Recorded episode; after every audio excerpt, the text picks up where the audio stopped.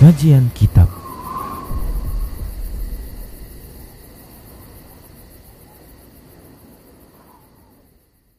Bismillah, Assalamualaikum warahmatullahi wabarakatuh. Innal hamdalillah nahmaduhu wa nasta'inuhu wa nastaghfiruh wa na'udzu billahi min shururi anfusina wa min sayyiati a'malina. Man yahdihillah fala mudilla lah wa man yudlilhu fala hadiyalah. Wa asyhadu an la ilaha illallah wahdahu la syarika asyhadu anna Muhammadan abduhu wa rasuluhu sallallahu alaihi wasallam قال الله تعالى يا أيها الذين آمنوا اتقوا الله حق تقاته ولا تموتن إلا وأنتم مسلمون.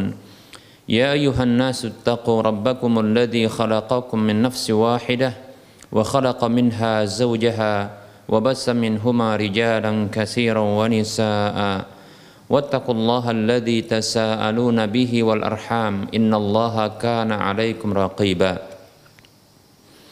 يا أيها الذين آمنوا اتقوا الله وقولوا قولا سديدا يصلح لكم أعمالكم ويغفر لكم ذنوبكم. ومن يطع الله ورسوله فقد فاز فوزا عظيما أما بعد. فإن أصدق الحديث كتاب الله وخير الهدى هدى رسول الله صلى الله عليه وسلم. وشر الأمور محدثاتها وكل محدثة بدعة وكل بدعة ضلالة وكل ضلالة في النار Para pemirsa Rosyad TV dan para pendengar Radio Medan Mengaji di mana saja Anda berada rahimani wa rahimakumullah. Alhamdulillah kita bersyukur kepada Allah Subhanahu wa taala yang masih memberikan berbagai kenikmatan kepada kita. Selawat dan salam tak lupa kita ucapkan untuk nabi kita Muhammad sallallahu alaihi wasallam. Semoga Allah Subhanahu wa taala mengumpulkan kita bersama beliau dalam kebahagiaan kelak di akhirat sampai menuju surganya. Surga Allah tabaraka wa taala. Para muslim rahimani rahmakumullah, kita masih membahas tentang bahasan umum yaitu akidah tauhid. Dan kita juga masih membahas tentang pembatal-pembatal tauhid yaitu kesyirikan dengan satu syirik akbar dengan derajat syirik akbar dan kita telah membahas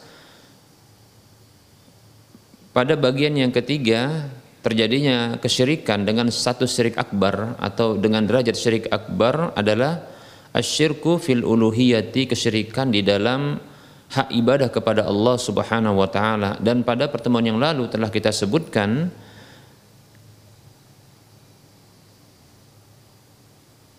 dua di antara terjadinya atau dua di antara uh, objek terjadinya kesyirikan di dalam ibadah tersebut atau bentuknya. Bentuk yang pertama telah kita bahas yaitu meyakini bahwa ada sesuatu selain Allah Subhanahu wa taala yang berhak atau boleh diarahkan ibadah itu kepadanya. Meyakini atau keyakinan ini yang pertama, keyakinan bahwa selain Allah Subhanahu wa taala itu ada yang juga berhak atau boleh untuk diarahkan ibadah itu kepadanya. Nah, ini merupakan bentuk yang pertama kesyirikan di dalam hak ibadah kepada Allah dengan status dengan derajat syirik akbar.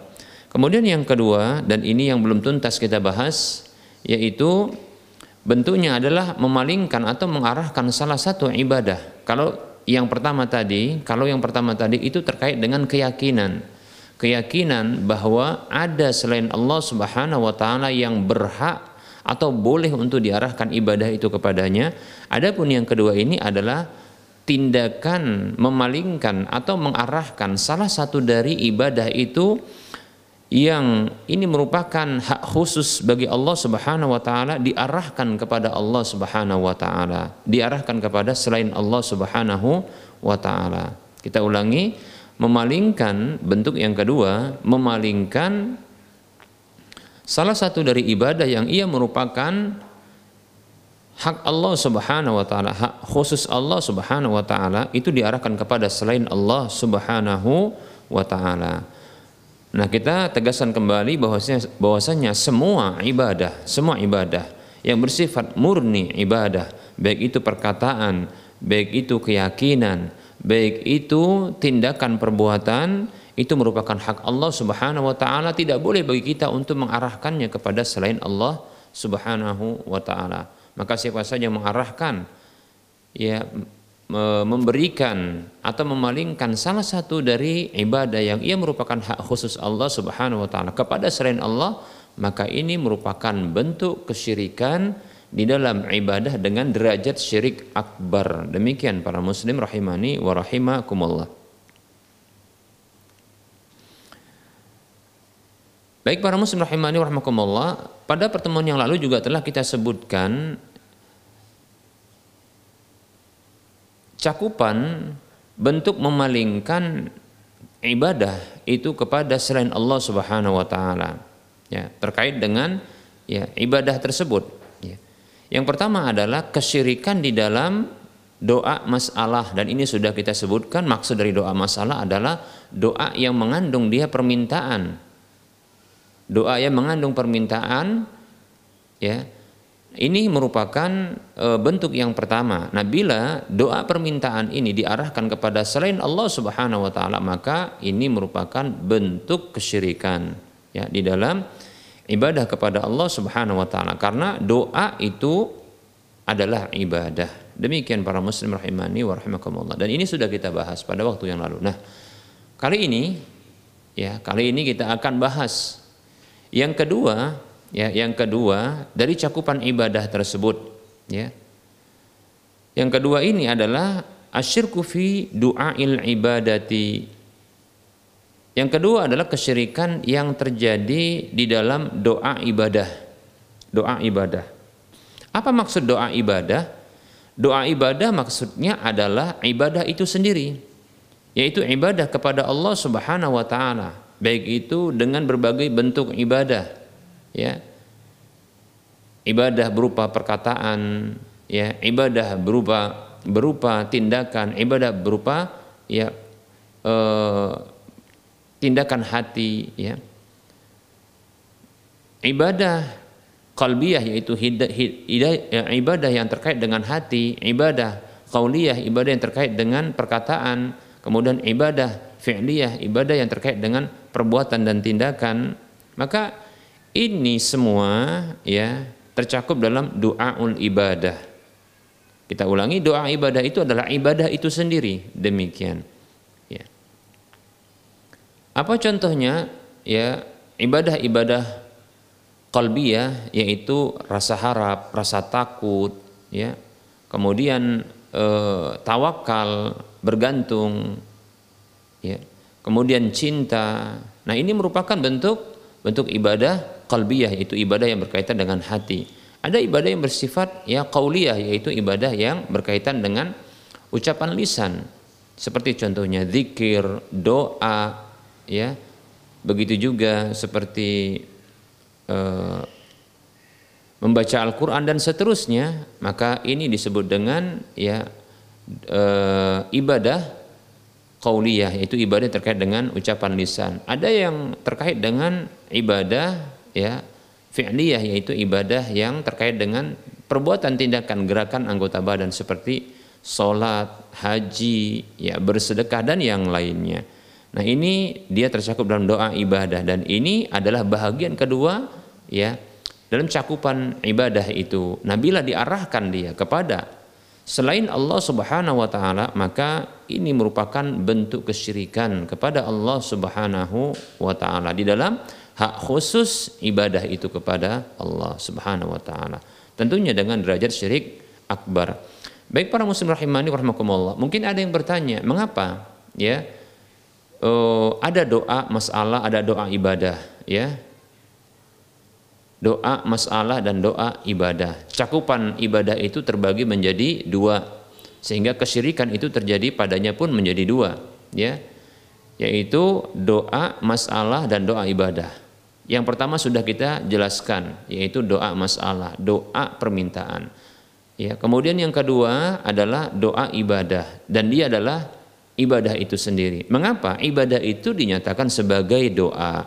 Nah, ini barangkali yang ada ingin bertanya, kenapa kok ya ibadah itu disebut dengan doa? Para muslim rahimani wa rahimakumullah. Sesungguhnya seorang hamba yang sedang beribadah kepada Allah Subhanahu wa taala maka kondisinya ketika itu dia sedang menuntut dan mengharap ya menuntut dan berharap kepada Allah Subhanahu wa taala. Kondisinya ketika itu dia menuntut dan berharap kepada Allah Subhanahu wa taala ya agar Allah Subhanahu wa taala ya memberikan balasan terhadap perbuatannya tersebut, ya ibadahnya tersebut.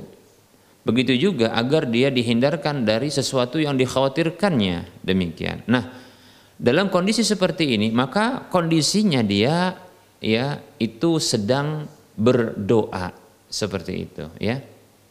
Demikian para muslim rahimani wa rahimakumullah. Ya.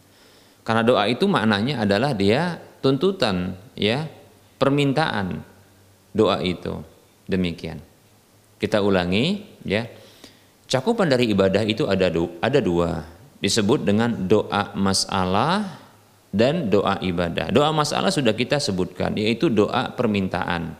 Doa permintaan yaitu doa yang mengandung dia permintaan dengan lisan. Dan kata Nabi SAW, gini, inilah yang dia disebut dengan ad-du'a ibadah kata Nabi SAW dalam riwayat ya eh, Imam Ahmad dan yang lainnya. Doa itu adalah ibadah dan ini sudah kita bahas ya. Nah yang kedua ini yang yang akan kita bahas dan yang sedang kita bahas adalah doaul masalah, eh, doa ibadah, doaul ibadah, doa ibadah. Ya. Apa itu doa ibadah? Ya, yaitu ibadah itu sendiri. Mengapa ibadah itu disebut dengan doa? Nah, ini dia yang yang tadi barusan kita sebutkan. Bahwasanya ya, kondisi seseorang hamba yang dia beribadah kepada Allah dengan ibadah-ibadah yang sedang dikerjakannya dalam kondisi seorang hamba beribadah kepada Allah Subhanahu wa taala, maka kondisinya itu sesungguhnya dia sedang ya berharap pahala kepada Allah Subhanahu wa taala ya. Diterimanya dia berharap diterimanya ya. Walaupun lisannya tidak menyebutkannya tapi dia berharap diterimanya amal ibadahnya tersebut ibadahnya tersebut. Kemudian dia berharap agar Allah memberikannya pahala dari sisinya. Demikian pula agar Allah Subhanahu wa taala menjauhkan dari apa saja yang dikhawatirkannya.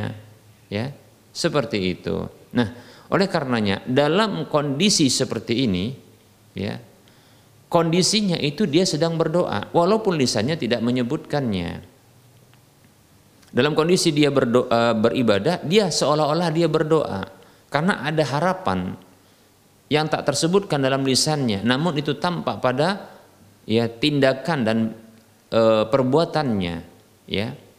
Di mana dia mengharapkan balasan kebaikan dari Allah Subhanahu wa taala dan dia mengkhawatirkan sesuatu yang mengancam dirinya ya agar dijauhkan oleh Allah Subhanahu wa taala hal tersebut. Baik para muslim rahimani wa rahimakumullah ya. Baik, nah ini dia. Ya, ini dia. Dan tentunya doa ibadah yang itu adalah ibadah ya ibadah secara e, keseluruhan ya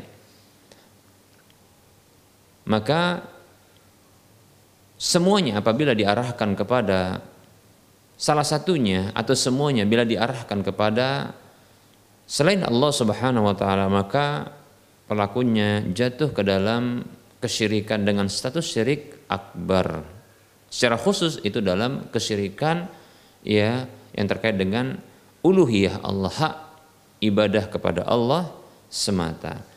Baik para muslim rahimani warahmatullah kita akan sebutkan contoh-contoh yang termasuk ke dalam ya kesyirikan dalam doa ibadah ini. Baik yang pertama adalah ya syirik dalam niat ya syirik dalam niat seseorang, seorang hamba. Ni syirik di dalam keinginan seorang hamba dan tujuan seorang hamba dengan ya amal-amal ibadah yang dilakukannya. Seorang hamba yang dia beramal ya dengan sebuah amalan atau beberapa amalan ternyata ada niat, ada keinginan, ada tujuan yang ini diarahkan untuk selain Allah Subhanahu wa taala yang dia tidak inginkan dapatkan keridhaan Allah Subhanahu wa taala ya. Maka ya ini merupakan bentuk kesyirikan ya. Ini merupakan bentuk kesyirikan ya. Kesyirikan ya di dalam doa ibadah kesyirikan dalam doa ibadah. Demikian ya. Lebih khusus nah kesyirikan terkait dengan niat keinginan hati ya. Begitu juga tujuan hati dari ibadah yang dilakukannya. Demikian.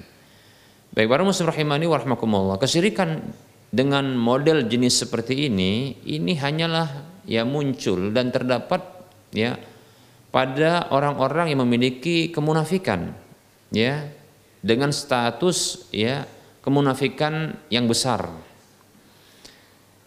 Dia menampakkan keislaman dia menampakkan keislaman dia menampakkan ketaatan ya. Padahal hatinya tidaklah demikian. Bahkan hatinya membenci. Bahkan hatinya tidak menyukai demikian ya. Jadi syirik dalam niat dia tampakkan dengan e, bentuk lahirnya adalah ibadah dan ketaatan kepada Allah. Namun hatinya ya tidak demikian. Ya hatinya tidak demikian. Dia inginkan hal-hal yang lain. Nah ini hanyalah muncul dari orang-orang munafik dengan status ya kemunafikan akbar. Demikian ya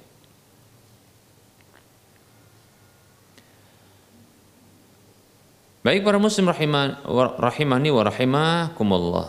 Ya.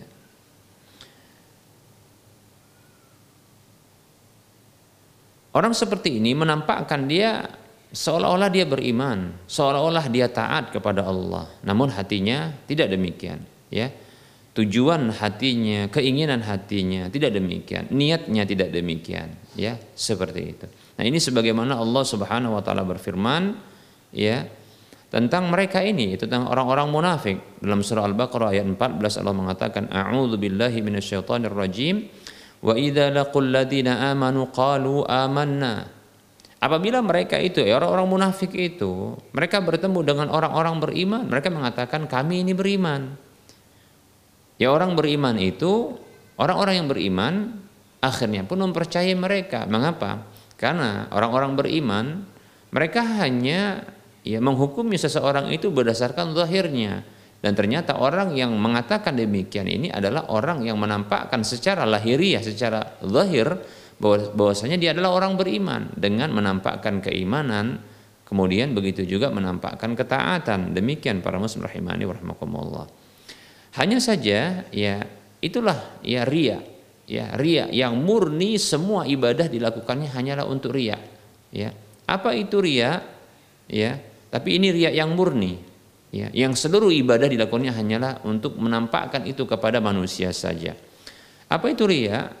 Ibnu Hajar al Asqalani rahimahullahu taala mengatakan tentang ria. Ria itu adalah ilharul ibadati liqasdin nati uh, liqasdi ru'yatin nasi fayuhmada 'alaiha. Ya. Ria itu adalah menampakkan ibadah dengan tujuan agar dilihat oleh manusia lalu dia dipuji karenanya. Demikian. Itulah ria ya. Itulah ria nah orang munafik mereka ini menampakkan ibadah-ibadah tersebut dengan tujuan agar orang-orang melihat mereka dan melihat ibadah mereka. Lalu dia orang-orang tersebut atau orang munafik tersebut dia dinyatakan dipuji sebagai orang yang memang sedang beribadah. Dipuji adalah orang yang taat orang yang Islam. Nah seperti itu Nabi sallallahu eh, Allah Subhanahu wa taala ya dalam surah An-Nisa ayat 142 menyebutkan tentang salah satu syiar Islam, syiar dalam agama Islam, bentuk ibadah yang ini memang harus ditampakkan. Ya. Dan orang-orang munafik mengambil momentum ini untuk menampakkannya. Demikian. Bahwasanya agar tampak bahwasanya orang-orang munafik itu adalah orang-orang yang dia beriman ya Allah berfirman a'udzu billahi minasyaitonir rajim wa idza qamu ila salati qamu kusala yura'una nas wa la yadhkurunallaha illa qalila ya maka apabila mereka berdiri bangkit menuju sholat, mereka itu berdiri dalam kondisi malas. Mereka hanya menampakkan kepada orang-orang. Tidaklah mereka itu mengingat Allah Subhanahu wa taala atau menyebut-nyebut Allah itu kecuali hanya sedikit saja. Demikian. Nah, ini adalah orang-orang munafik tulen, ya. Munafik tulen yang dengan status kemunafikan akbar yang besar, demikian. Nah, dalam kondisi seperti ini mereka telah mengumpulkan dua hal yaitu yang pertama adalah mengumpulkan kemunafikan itu pada dirinya sekaligus mengumpulkan kesyirikan dalam niat, keinginan dan tujuan seperti itu. Oleh karenanya mereka juga jatuh ke dalam kesyirikan dengan status syirik akbar di dalam doa ibadah yang itu merupakan hak Allah Subhanahu wa taala. Baik para muslim rahimani warahmatullah berikutnya contoh kesyirikan ya di dalam doa ibadah ini adalah kesyirikan ya dalam rasa takut, kesyirikan yang terjadi di dalam rasa takut. Ya.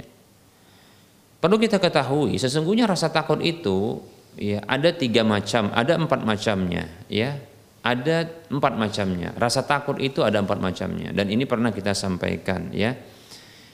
Yang pertama adalah rasa takut kepada Allah Subhanahu wa taala. Ya, rasa takut kepada Allah Subhanahu wa taala. Yang ini disebut dengan khaufus sir, ya, yaitu rasa takut ya yang bersifat rahasia. Ya.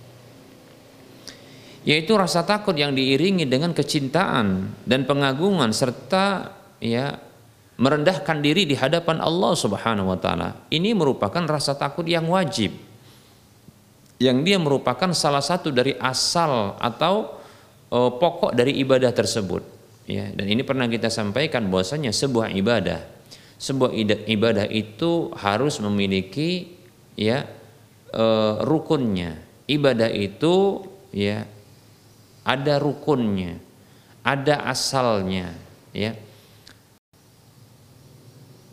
di antaranya kita sudah sebutkan yaitu di antaranya adalah cinta Kemudian yang kedua adalah harap, yang ketiga adalah takut. Demikian. Dan rasa takut ini para muslim rahimani wa ya. Yang rasa takut kepada Allah Subhanahu wa taala ini merupakan salah satu dari ya rukun ibadah tersebut, ya. Harus dimiliki oleh seorang hamba yang sedang beribadah kepada Allah Subhanahu wa taala. Baik para muslim rahimani wa Nah tentunya rasa takut seperti ini, ya rasa takut yang sifatnya tersembunyi rahasia ini yang ada muatan ya kecintaan, ada muatan pengagungan, ada muatan menghinakan diri, ya ini hanyalah milik Allah, hanyalah ditujukan kepada Allah, tidak boleh kepada selain Allah Subhanahu wa taala. Apabila ditujukan kepada selain Allah maka ini merupakan ya syirik ya syirik. Demikian dalam ketakutan ya dalam rasa takut. Demikian. Baik yang kedua para muslim rahimani warahmatullah ya rasa takut yang kedua adalah disebut dengan al khauful jibili ya. Al khauful jibil jibili ya. Dari kata jibillah. Jibillah itu artinya ya e, rasa takut yang bersifat dia e, alami ya. Rasa takut yang bersifat dia alami rasa takut yang bersifat tabi'i. Oleh karenanya para ulama yang lain menyebutkan dengan al khauf al khaufut tabi'i, al khaufut tabi'i ya. Khaufun tabi'iyun. Rasa takut yang bersifat tabiat manusia, naluri dia, yang bersifat alami. Apa contohnya? Yaitu seperti rasa takut kepada hewan-hewan buas. Seperti contohnya singa, ya, buaya, ya harimau demikian rasa takut dengan kobaran api yang besar. Rasa takut dengan ketinggian yang oh, begitu jauh ya antara dirinya dengan oh, dasar demikian ya. Rasa takut apa rasa takut jatuh begitu ya. Demikian ya. Rasa takut tenggelam rasa rasa takut terhadap subuh apa namanya oh musuh demikian. Maka ini ya Rasa takut yang alami, rasa takut yang bersifat e, tabiat manusia. Maka rasa takut seperti ini bila didapatkan pada diri seorang hamba karena didapatkan pula sebabnya, maka rasa takut seperti ini ya adalah satu yang alami dan dibolehkan. Tidak ada kesyirikan di dalamnya, demikian. Bahkan Nabi Musa alaihissalam yang beliau adalah orang yang paling orang yang paling kuat di zamannya, ya barangkali kita katakan paling kuat di zamannya karena memang luar biasa ya yang Allah Subhanahu wa taala jadikan pada fisik beliau ini. Beliau kalau memukul ya, meninju maka pernah terjadi ketika ada perseteruan ya antara dua orang yang satu dari sukunya sendiri yang satu lagi dari suku Firaun ya Lalu Nabi Musa alaihissalam itu membela orang yang berasal dari sukunya. Namun terjadi pemukulan. Nabi Musa alaihissalam memukul ya eh, salah seorang yang mereka berasal dari suku Fir'aun. Sekali pukul tewas itu orang ya. Nah ini menunjukkan betapa kuatnya ya fisik dari Nabi Musa alaihissalam ini. Bahkan dalam satu hadis disebutkan Nabi Musa alaihissalam ya itu pernah memukul satu batu di mana Allah takdirkan batu tersebut ya itu membawa lari pakaian Nabi Musa tatkala Nabi Musa meletakkan melepaskan pakaiannya dan meletakkan di atas batu agar beliau bisa mandi di sungai. Demikian. Seperti itu. Demikian Ya, kisahnya barangkali sedikit kita sebutkan kenapa demikian, Allah jadikan demikian. Yaitu ini merupakan bentuk pembelaan Allah Subhanahu wa taala terhadap nabinya di mana orang-orang Bani Israel yaitu umat Nabi Musa alaihissalam menuduh Nabi Musa tatkala Nabi Musa itu biasa kalau mandi itu menyepi dan menyendiri. Tidak seperti orang-orang Bani Israel yang mereka kalau mandi ngumpul baik laki atau perempuan pada satu tempat pemandian demikian. Maka Nabi Musa ini memiliki sifat malu. Akhirnya beliau mandi sendiri, ya. Lalu muncul tuduhan dari orang-orang Bani Israel ini bahwasanya ada masalah atau penyakit pada kemaluan Nabi Musa alaihissalam. Maka Allah Subhanahu wa taala ingin membuat sebuah rencana ya dengan takdir Allah Subhanahu wa taala bahwa Nabi Musa alaihissalam tidaklah seperti apa yang mereka tuduhkan. Pada satu hari Nabi Musa alaihissalam ya ketika itu mandi menyepi ya di sungai lalu beliau meletakkan ya, pakaian dan melepas pakaian beliau di atas batu.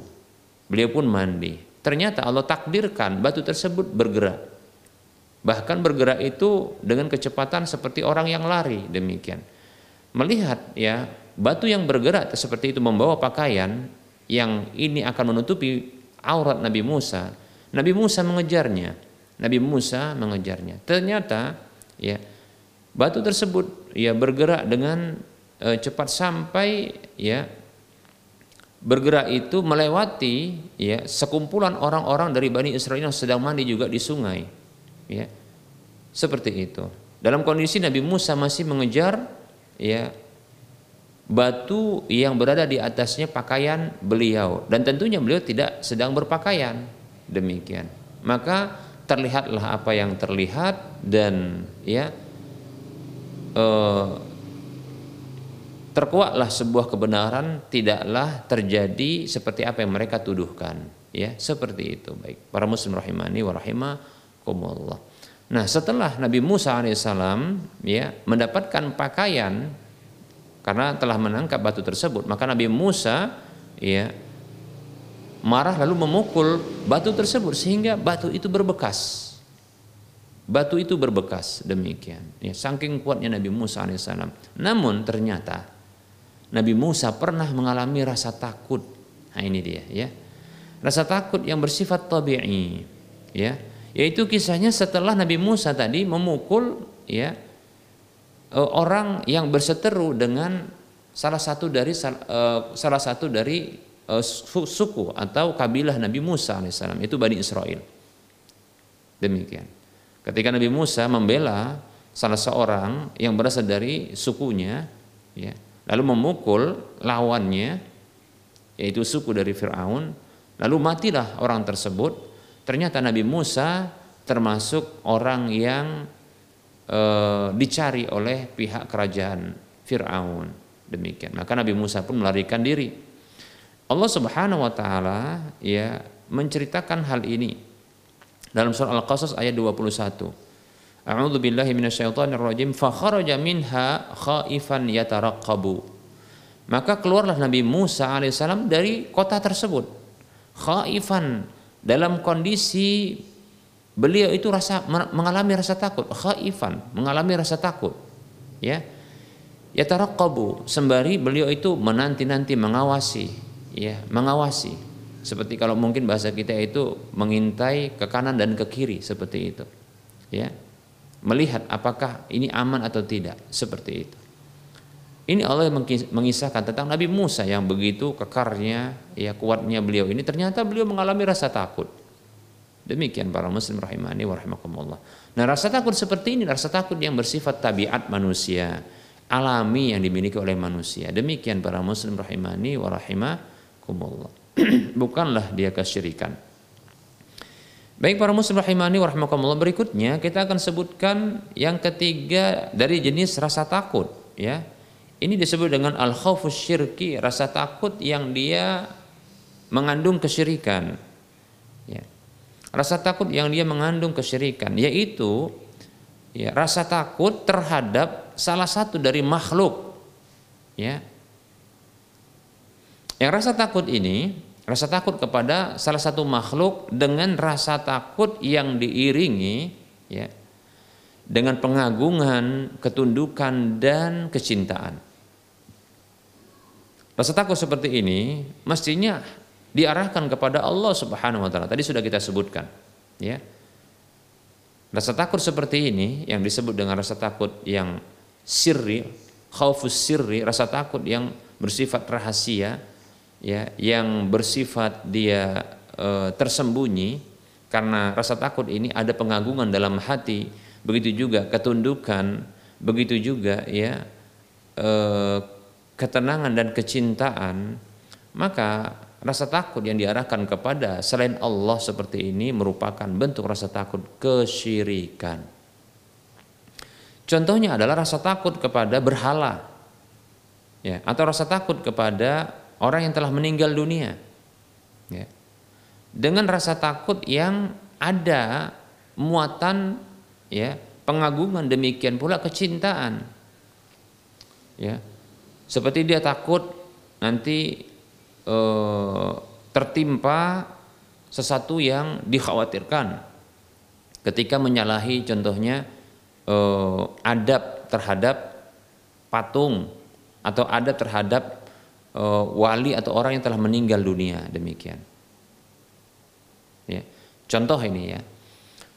Seperti contohnya ya eh, orang-orang yang mereka memperlakukan atau melakukan eh, sebagai apa namanya melakukan sebuah bentuk tindakan atau perlakuan khusus ketika memasuki kuburan.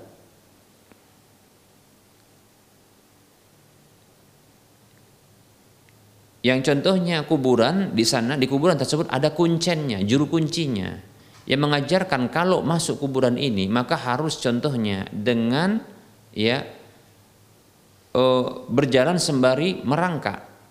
Demikian merangkak. Demikian pula tidak boleh contohnya mengarahkan pandangan ke atas. Begitu ya contoh ini ya Begitu juga ketika kembali tidak boleh itu dengan membelakangi tapi harus juga dengan cara merangkak, jalan melangkah, merangkak namun dengan mundur demikian. Nah, kemudian kalau disalahi adab seperti ini maka akan ter, akan terjadi sesuatu yang tidak di, di diinginkan seperti contohnya kesialan, kemalangan dan seterusnya, ya. Maka yang seperti ini, yang seperti ini ini merupakan bentuk rasa takut yang syirik. Rasa takut yang syirik. Demikian. Mengapa? Karena ada bentuk pengagungan. Ya.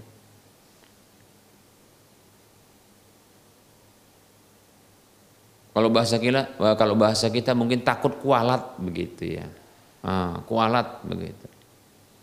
Baik para muslim rahimani wa rahimakumullah.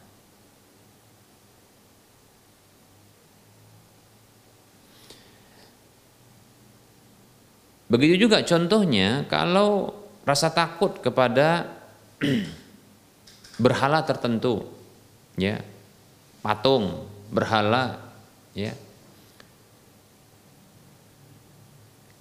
yang diberlakukan adab-adab dan perlakuan khusus padanya, ya, seperti tidak beradab, ya, atau kita katakan, ya, ada tindakan yang dilakukan, kemudian, ya, muncul rasa takut, bahwasanya rasa takut ini, ya, karena terkait dengan sesuatu yang orang yang telah mati tersebut atau patung tersebut. Rasa takut contohnya dia akan ditimpa penyakit ya atau dia akan e, mendapatkan e, bencana, dia akan mendapatkan kecelakaan ya. Dia akan mendapatkan kerugian baik itu pada harta ya, bisnisnya dan seterusnya ya. Atau rasa takut kualat demikian ya. Kualat kepada orang yang telah mati ataupun kepada eh, patung-patung uh, ya. Yang di antara rasa takut itu rasa takut akan dihilangkan ya. Nikmat saat ini yang sedang didapatkannya ya maka ini merupakan bentuk kesyirikan dengan satu syirik akbar. Mengapa? Karena dia telah memalingkan sebuah bentuk ibadah yaitu rasa takut. Ya. Dan pengagungan yang mestinya itu ditujukan kepada Allah itu ditujukan kepada selain Allah Subhanahu wa taala. Demikian, ya. Begitu juga di sini ada bentuk eh, kekeliruan, kesalahan di dalam tauhid rububiyah atau kita katakan ini jatuh ke dalam kesyirikan ya rububiyah yaitu terkait dengan perbuatan-perbuatan Allah Subhanahu wa taala. Secara khusus ada perbuatan yang mendatangkan maslahat atau mendatangkan mudarat. Atau sebaliknya yaitu menghilangkan maslahat atau menghilangkan kemudaratan. Demikian ya. Itu berarti meyakini bahwasanya ya patung atau orang yang mati tadi itu mampu untuk bisa memberikan maslahat atau menghilangkan mudarat atau sebaliknya ya mendatangkan mudarat menghilangkan maslahat yang ini merupakan hak khusus bagi Allah Subhanahu wa taala di dalam perbuatan-perbuatan Allah Subhanahu wa taala. Maka ini merupakan bentuk kesyirikan. Demikian. Para muslim rahimani wa rahimakumullah. Allah Subhanahu wa taala berfirman ya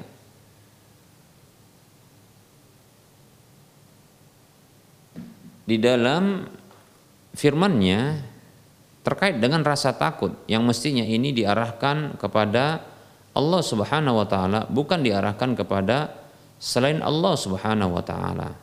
Allah Subhanahu wa taala berfirman ya fala takhafuhum wa khafuni in kuntum mukminin. Allah Subhanahu wa taala berfirman, ya. Janganlah kalian takut. Janganlah kalian takut kepada mereka. Namun takutlah kepada aku jikalau kalian benar-benar beriman. Ya. Allah Subhanahu wa taala ya berfirman ya di dalam surah Ali Imran ayat 175 ya Innama dzalikum syaitanu awliya'ah. Fala takhafuhum wa khafuni in kuntum mu'minin. Sesungguhnya yang demikian itu adalah syaitan. Yang mereka itu syaitan itu menakut-nakuti ya wali-walinya. Ya. maka janganlah kalian takut kepada mereka namun takutlah kepadaku jikalau kalian benar-benar beriman. Surah Ali Imran ayat 175 demikian ya. Ini dilarang karena merupakan bentuk kesyirikan. Bahkan ya takut itu hanya kepada Allah Subhanahu wa taala. Demikian. Begitu juga Allah Subhanahu wa taala berfirman di dalam surah At-Taubah ayat 18 Allah mengatakan a'udzu billahi minasyaitonir rajim innama ya'muru masajidallahi man amana billahi wal yaumil akhir wa aqama salata wa ata zakata wa lam yakhsha illa Allah fa asa ulaika ay yakunu minal muhtadin Sesungguhnya yang memakmurkan masjid-masjid Allah itu hanyalah orang-orang yang beriman kepada Allah dan hari akhir yang mereka mendirikan sholat dan mereka menunaikan zakat dan tidaklah takut kecuali hanya kepada Allah. Mudah-mudahan mereka itulah termasuk orang-orang yang mendapat petunjuk demikian. Ibnu Battah salah seorang uh, Ibnu Atiyah ya rahimahullahu taala seorang ulama dari mazhab Maliki yang uh, dinisbatkan kepada Andalusia yang lahir pada tahun 481 mengatakan dalam kitab tafsirnya tentang ayat surah Taubah ayat 18 ini. Allah uh, ia mengatakan yuridu khasyata ta'zimi wal ibadati wa ta'ati. Ya. Eh, Allah SWT menginginkan itu adalah rasa takut yang mengandung pengagungan ya pengibadahan dan ketaatan. Demikian. Ya. nah di antara bentuk rasa takut yang mengandung kesyirikan adalah ya takut kepada makhluk dalam hal apa saja yang tidak dimampui kecuali hanya Allah Subhanahu wa taala ya demikian Seperti contohnya rasa takut yang telah kita sebutkan tadi yaitu uh, takut kepada makhluk dia akan menimpakan ya penyakit, menimpakan ya keburukan ya dengan kehendak ya makhluk tersebut. Seperti itu. Ini merupakan bentuk kesyirikan. Oleh karenanya tidak boleh takut. Baik para muslim rahimani warahmatullah, yang keempat ini yang terakhir ya, jenis takut yang keempat yaitu rasa takut yang mendorong seseorang untuk meninggalkan satu yang wajib dan atau ya mendorong seseorang untuk melakukan satu yang haram. Ya, ini rasa takut yang tentunya diharamkan, ya. Seperti orang yang dia takut kepada orang lain yang masih hidup yang bisa memudaratkannya pada dirinya atau pada hartanya atau pada keluarganya. Ya seperti itu. Lantas seperti contohnya rasa takutnya dia dipecat. Ya, rasa takut dipecat oleh atasannya karena contohnya e, melakukan sholat, ya, melakukan sholat demikian. Atau karena rasa takut, ya, dipecat, ya, ketika dia tidak memenuhi permintaan atasannya untuk melakukan perkara yang haram. Contohnya seperti ya e, membuat manipulasi data contohnya dalam laporan dan seterusnya ya. Jadi meninggalkan satu yang diwajibkan atau melakukan satu perkara yang diharamkan ya. Yang itu karena takut kepada manusia, maka ini merupakan ya rasa takut yang haram, rasa takut yang haram. Mengapa? Rasa takut seperti ini bisa jadi hanyalah bentuknya rasa takut semata. Yang ini ya hanya sekedarlah hanya hanya sekedar dugaan dari dirinya yang belum tentu terjadi, ya. Andaikan pun ancaman tersebut diarahkan kepadanya, belum tentu juga bisa terjadi, ya. Seperti itu. Karena Allah Subhanahu wa taala yang Allah Subhanahu wa taala yang mentakdirkan tersebut. Ya. Demikian para muslim rahimani wa rahimakumullah.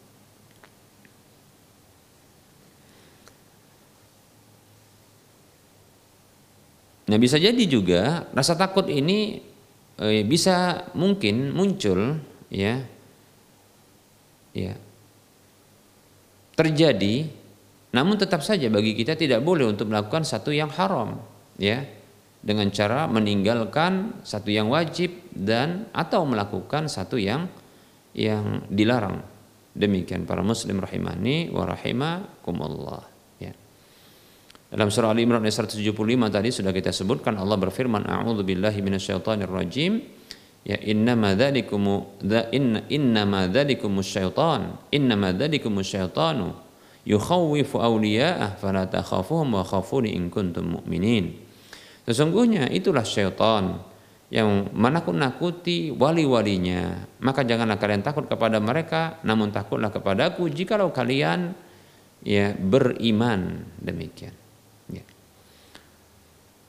Demikian pula ada hadis Nabi Shallallahu Alaihi Wasallam. Dia bersabda, لا yamna'anna hadakum makhafatun nasi an yatakallama bil haqqi idza ra'ahu au alimahu. Janganlah sampai ada salah seorang di antara kalian tertahan ya karena rasa takut kepada manusia untuk berbicara ya mengatakan kepada uh, mengatakan kebenaran atau uh, tatkala dia melihatnya atau dia tatkala dia mengetahuinya Ya, kata Nabi SAW, janganlah rasa takut kepada manusia itu menghalangi salah seorang di antara kalian untuk mengucapkan kebenaran apabila dia melihat kebenaran itu atau dia mengetahui kebenaran itu. Demikian. Baik para muslim rahimani warahmatullah. Nah, ini penjelasan tentang rasa takut ya yang ia merupakan ya eh, rasa takut yang dengan bahagian ada empat bagian yang sudah kita bahas tadi ya. Yang di dalam pembagian tersebut ada rasa takut yang merupakan bentuk kesyirikan dengan satu syirik akbar. Demikian. Dan ini termasuk ke dalam e, pembahasan doa ibadah yang tidak boleh diarahkan kepada selain Allah Subhanahu wa taala. Demikian. Karena itu adalah hak Allah Subhanahu wa taala. Bila diarahkan kepada selain Allah maka terjadilah kesyirikan dengan status syirik akbar di dalam ya hak ibadah kepada Allah Subhanahu wa taala. Baik para muslim rahimani wa kita akan uh, cukupkan terlebih dahulu pembahasan uh, materi ya pem materinya. Uh, kita akan masuki sesi soal jawab. Ada pertanyaan?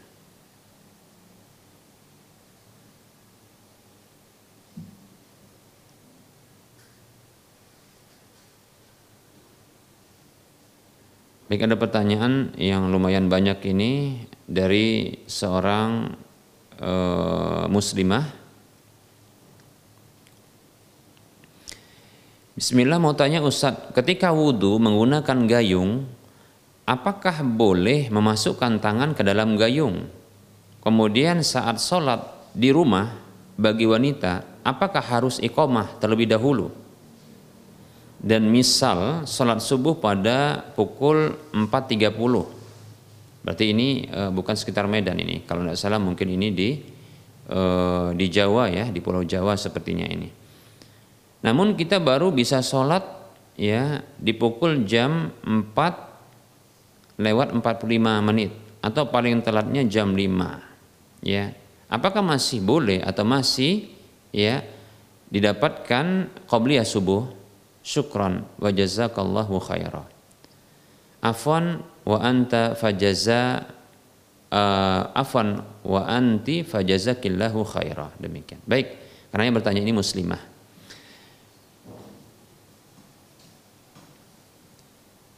Kita akan jawab. Ini ada satu pertanyaan namun mengandung beberapa pertanyaan.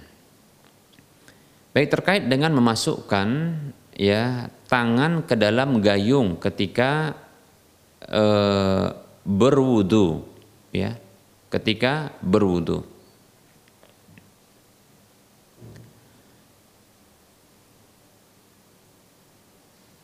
Ada hadis ya ada hadis e, Nabi Shallallahu Alaihi Wasallam ya itu hadis dari sahabat Utsman radhiyallahu an. Kita akan sebutkan ya.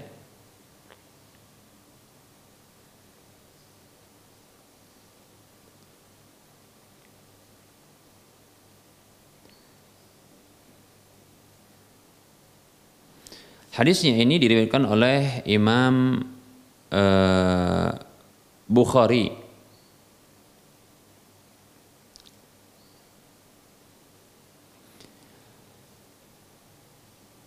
hadis dengan nomor urut ya 164 dalam Sahih Bukhari ya. Imam Bukhari menyebutkan riwayat ini sampai kepada Atha bin Yazid dari Humran. Humran ini adalah Maula Utsman ibni Affan radhiyallahu anhu, yaitu bekas budak Utsman ibnu Affan radhiyallahu anhu.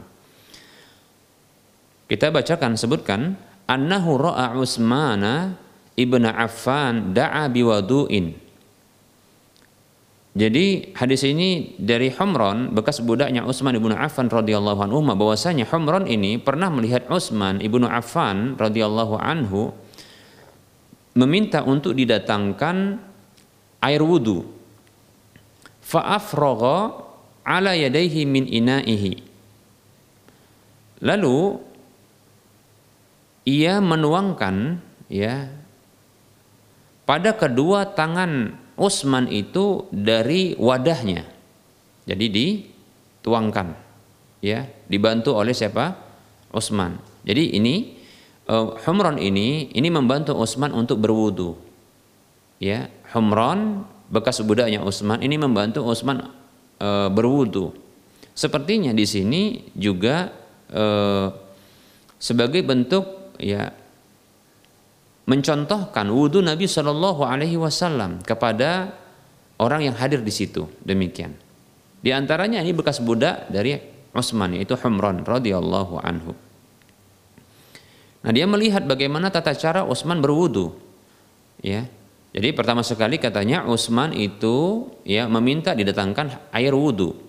Fa'afragha ala yadayhi min inaihi. Lalu ya Humron menuangkan pada kedua tangannya dari wadah itu. Faghasalahuma salasa marratin. Lalu Utsman ya membasuh kedua tangannya tersebut, dua telapak tangannya tiga kali. Summa ini yang ditanyakan. Summa ada yaminahu fil wadu'i. Kemudian Utsman memasukkan tangan kanannya pada air wudhu tersebut masukkan. Ini berarti menciduknya dengan tangan yang sudah dibasuh tadi. Demikian ya. Seperti itu. Sumatamat madha. Kemudian ya beliau berkumur-kumur wastan syaqa dan masukkan air ke dalam hidung wastan saro dan membuangnya. Summa ghassala wajhahu salasan. Kemudian beliau membasuh wajah beliau tiga kali. Wa yadaihi ila mirfaqaini salasan dan membasuh kedua tangan beliau sampai siku sampai kedua siku tiga kali. Summa masaha bi kemudian beliau mengusap kepala beliau. Nah, di sini tidak disebutkan mengusap kepala ya. E, e, tidak menyebutkan mengusap telinga, namun di sini disebutkan mengusap kepala. Nah, di dalam hadis yang lain disebutkan bahwasanya ya al udunani minar ra'si bahwasanya dua telinga itu termasuk bagian dari kepala. Jadi ketika diusap kepala termasuk adalah mengusap telinga. Summa ghasala ya kulla rijlin salasan. Kemudian beliau membasuh setiap kaki tiga kali. Summa qala kemudian Utsman mengatakan radhiyallahu anhu ra'aitun nabiyya sallallahu alaihi wasallam yatawaddau nahwa wudu'i hada. Ya, Aku katanya melihat kata Utsman radhiyallahu an, aku melihat Nabi Shallallahu alaihi wasallam berwudu seperti wuduku ini. Waqala dan beliau bersabda setelah itu, "Man tawaddaa nahwa wudu'i hada summa shalla rak'ataini la yuhaddisu fihi ma nafsahu, ghafarallahu lahu ma taqaddama min dzambihi." Kata Nabi Shallallahu alaihi wasallam, Siapa saja yang berwudu seperti wuduku ini kemudian dia sholat dua rakaat tidak berbicara pada dua rakaat itu terhadap dirinya, maksudnya dia uh, khusyuk dalam salatnya. Maka Allah mengampuni untuknya apa saja yang telah berlalu dari dosanya. Demikian. Hadis riwayat Bukhari dengan nomor urut hadis dalam kitab sahihnya yaitu 164 demikian. Jadi seperti itu. Bukanlah merupakan ya ya kesalahan ketika ya menciduk langsung dari tempat wudhu itu atau wadah wudhu itu atau gayung tersebut. Dengan syarat tadinya harus mencuci terlebih dahulu. Lebih-lebih kan baru bangun tidur bisa jadi tangan kita ini menyentuh apa saja yang barangkali ya berinteraksi apa saja yang bisa jadi di sana ada najisnya sehingga tangan kita pun mengandung najis. Seperti itu. Baik. Kemudian pertanyaan berikutnya dalam uh, edisi pertanyaan ini sekaligus kirim ini ya. Salat sun, uh, saat salat ya saat sholat di rumah bagi wanita apakah harus ikomat dulu ya benar ya Iqamat dianjurkan untuk iqamat. Bahkan Anas bin Malik mengatakan ya bahwasanya iqamah itu termasuk zikir demikian. Anas bin Malik mengatakan iqamah itu termasuk zikir ya. Oleh karenanya boleh bagi wanita untuk dia berzikir sebagaimana laki-laki juga boleh berzikir kan begitu. Maka hanya saja ya iqamat untuk dirinya demikian ya. Bagi wanita tersebut boleh dia iqamah bahkan dia mendapatkan pahala atas iqamah tersebut. Demikian. Kemudian eh, apabila ternyata menunda, ini pertanyaan berikutnya yaitu eh, tertunda untuk melakukan sholat eh, subuh di awal waktunya, apakah ya masih dianjurkan untuk melakukan sholat sunat qobliyahnya? Baik para muslim rahimani rahimakumullah. Bahkan kita katakan ada hadis Nabi SAW atau ada hadis ya yang menceritakan di mana Nabi Shallallahu Alaihi Wasallam dalam sebuah perjalanan ya dalam sebuah perjalanan Nabi Shallallahu Alaihi Wasallam ini pernah ya uh, melakukan sholat subuh itu setelah terbit matahari karena kelelahan dan itu karena telat bangun. Jadi dalam satu hadis hadis tersebut disebutkan ya satu hari Nabi SAW itu bersafar bersama para sahabat beliau. Ya. Kemudian eh, beliau menghentikan kafilah safar itu ketika dalam kondisi ya malam dan ingin eh, beristirahat. Lalu Nabi Shallallahu Alaihi Wasallam memerintahkan kafilah untuk berhenti dan menunjuk salah seorang sahabat kalau tidak salah adalah Bilal untuk berjaga agar bisa nantinya untuk ya azan lalu membangunkan ya e, seluruh e, jamaah yang ikut dalam kafilah tersebut demikian. Namun ternyata Allah takdirkan setelah ya Rasulullah dan para sahabat yang lainnya itu beristirahat tertidur ya ternyata Bilal juga Allah takdirkan tertidur demikian. Sehingga tidak ada yang bangun ketika itu kecuali Nabi Shallallahu Alaihi Wasallam lebih cepat. Yang paling cepat adalah Nabi Shallallahu Alaihi Wasallam. Bahkan ketika itu terbangun karena ya ada terpaan cahaya matahari ya yang menempa yang menerpa wajah beliau. Ketika itu matahari bahkan telah terbit. Dan ini wajar tentunya. Dan Allah jadikan ini e, sebagai hal yang terjadi bagi Nabi Shallallahu Alaihi Wasallam untuk menunjukkan sifat manusiawi beliau. Sekaligus sebagai bentuk ya uh, teladan dalam kondisi ya seseorang itu ter uh, apa namanya terluputkan waktu sholat ya terluputkan waktu sholat. Maka tetap wajib untuk dikodo demikian. Nabi SAW tatkala bangun ya maka ketika itu tentunya para sahabat yang lain pun turut bangun ya lalu Nabi SAW perintahkan Bilal untuk adzan ketika itu perintahkan uh, Bilal untuk azan, azan. Demikian. Nah, dikarenakan Nabi Alaihi Wasallam ya uh, tertidur juga, lalu beliau menyatakan bahwa ya wilayah tersebut ini wilayah yang uh, banyak setannya sampai-sampai Nabi SAW dan para sahabat ini bisa terluputkan waktu sholat dengan cara tertidur. Maka Rasulullah memerintahkan kepada para sahabat untuk bergerak berpindah dari tempat tersebut menuju tempat yang lain setelah adzan itu. Lantas Nabi SAW melakukan sholat di tempat yang kedua, ya, yang e, ber, bergerak atau berpindah ya tidak jauh dari situ. Demikian, ya. Dan Rasulullah melakukan sholat sunat terlebih dahulu, baru setelah itu sholat fardu subuh demikian, ya. Hadisnya sahih dan ini masyur ya, ya masyur. Demikian. Baik ini juga ada pertanyaan ini. Bismillah ini ada titipan pertanyaan. Bagaimana hukumnya istri membantu suami dalam mencari nafkah tapi suami tidak menghargai bahkan menyepelekan usaha istri. Padahal istri sudah pontang-panting. Istri merasa sakit hati. Baik para muslim rahimani rahmakumullah. Sesungguhnya tidak ada kewajiban bagi seorang istri ya untuk mencari nafkah. Ya, tidak ada kewajiban bagi seorang istri untuk mencari nafkah. Ya, keluarganya. Tidak ada kewajiban bagi seorang istri untuk mencari nafkah ya bagi keluarganya.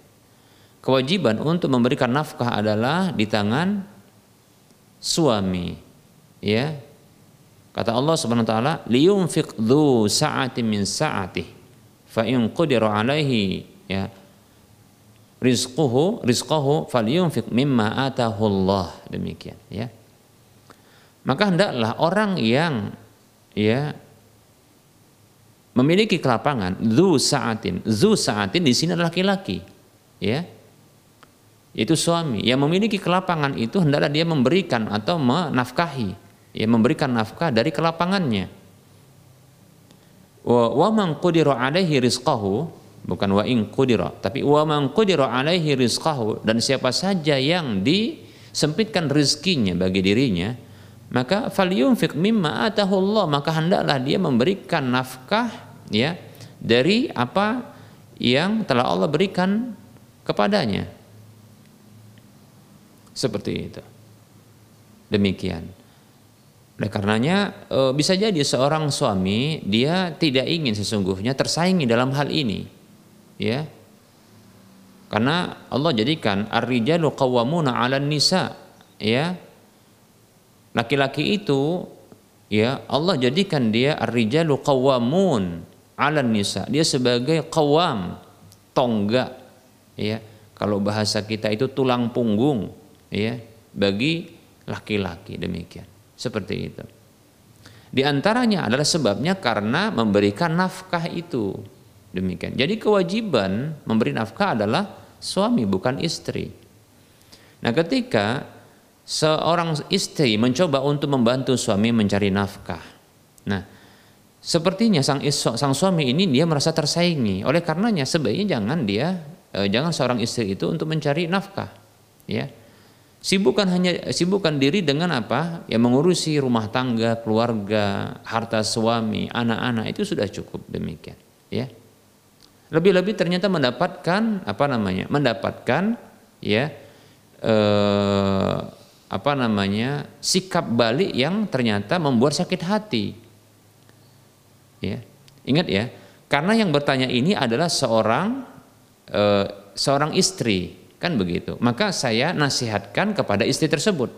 Ya andaikan saya ini, seandainya saya ditanya oleh seorang suami yang contohnya dia menyepelekan usaha istrinya, maka saya akan berikan nasihat kepada suami tersebut untuk dia apa? Untuk dia menghargai istri tersebut, menghargai istri tersebut, kebaikannya.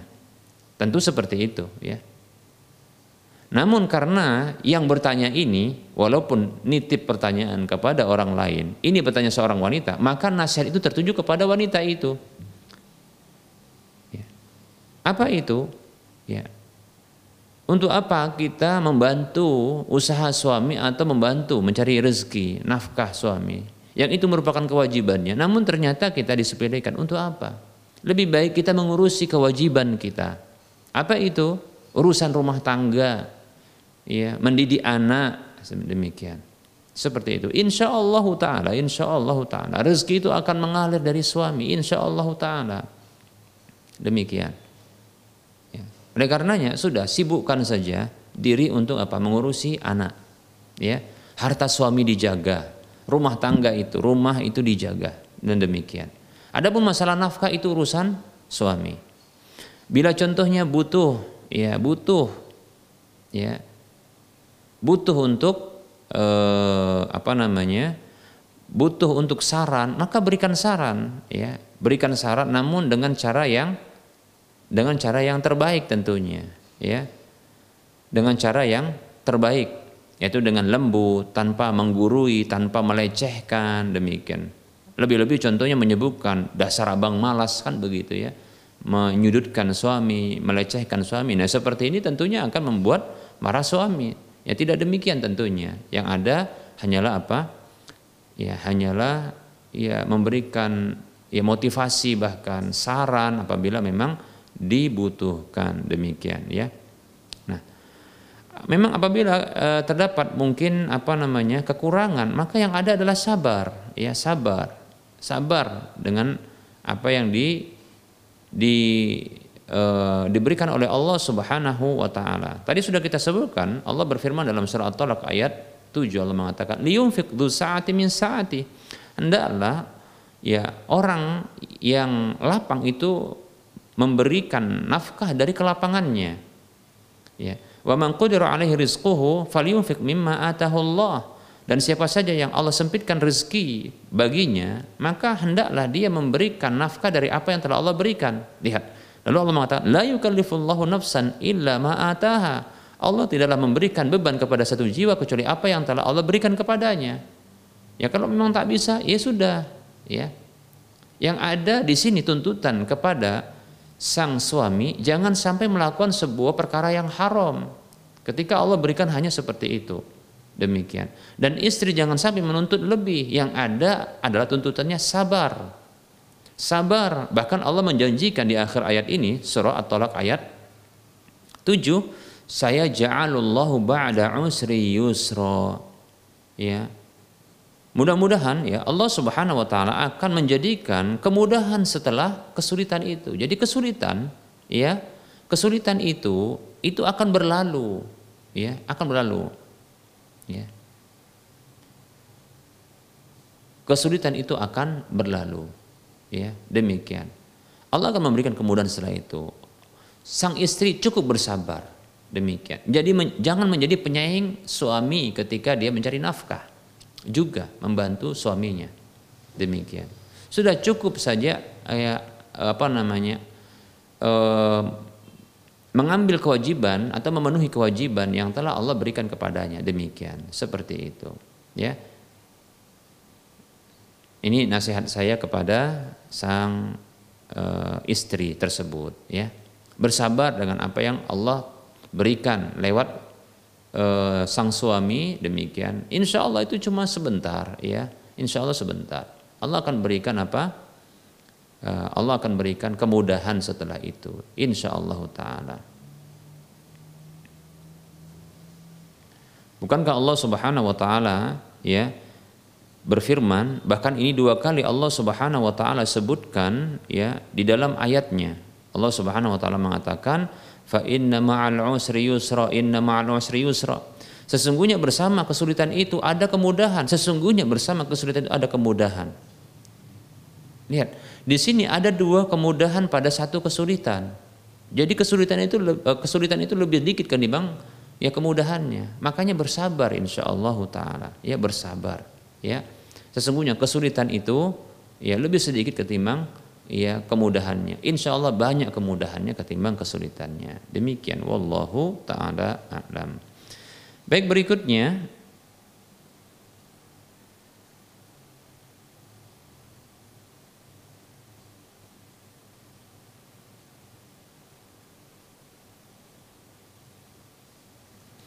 Mau tanya Ustadz, jika sudah jatuh talak bain tapi istri masih menyusui.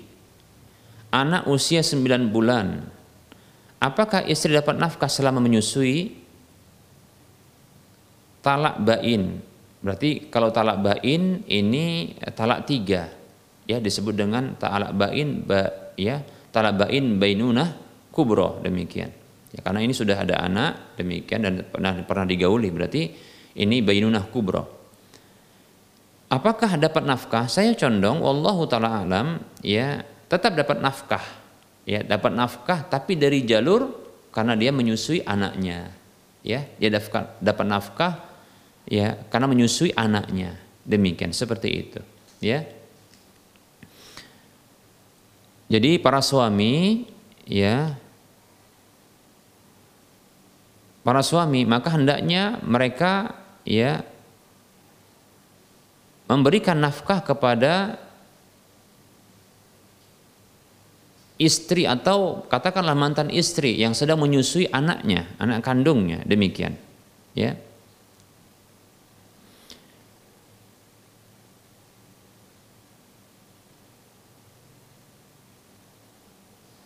Perhatikan Allah Subhanahu wa taala berfirman di dalam surah Al-Baqarah ayat 233. Allah berfirman dalam surah ya Al-Baqarah ayat 233. A'udzu billahi minasyaitonir rajim.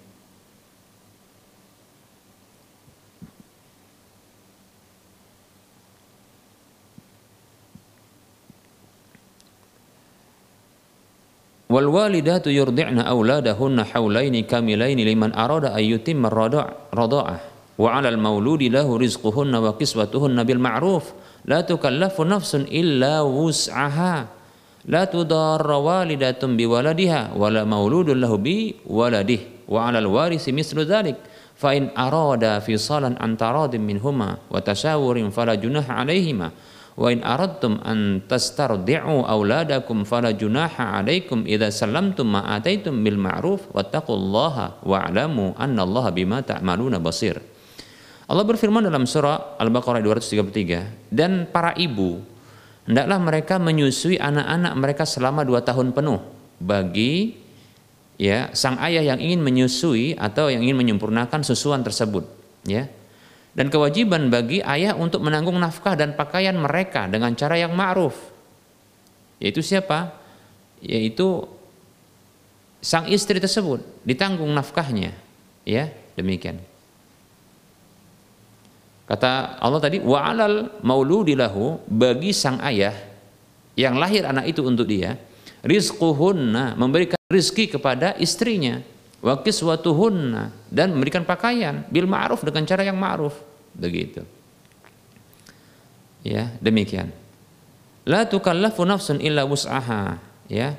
Seseorang itu tidaklah dibebani lebih dari kesanggupannya. Janganlah ada seorang ibu yang dia menderita karena anaknya jangan pula ada seorang ayah menderita karena anaknya ahli waris itu berkewajiban seperti itu juga apabila keduanya ingin menyapih menyapi anak tersebut dengan persetujuan dan permusyawaratan antara keduanya, maka tidak ada dosa atas keduanya.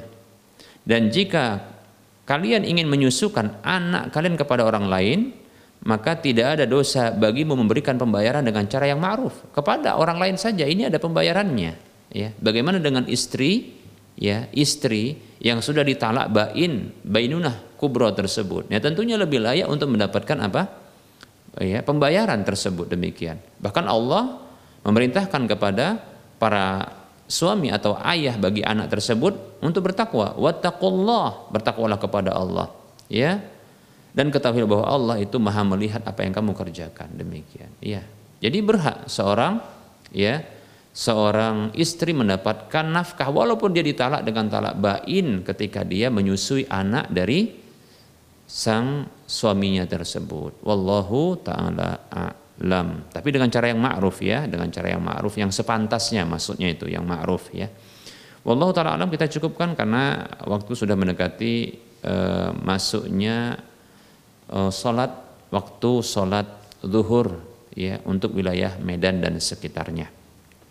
Mohon maaf atas segala kekurangan dan kesalahan serta ya kekeliruan Kebenaran itu datang dari Allah Subhanahu wa taala. Kesalahan datang dari saya pribadi dan bisikan syaitan. Kepada Allah saya mohon ampun kepada para pemirsa dan para hadirin sekalian, para pendengar sekalian saya mohon maaf. Wassallallahu ala Muhammad wa ala alihi wa ashabihi ajma'in. Subhanakallahumma wa bihamdika asyhadu an la ilaha illa anta astaghfiruka wa atubu ilaika walhamdulillahi rabbil alamin. Wassalamu alaikum warahmatullahi wabarakatuh.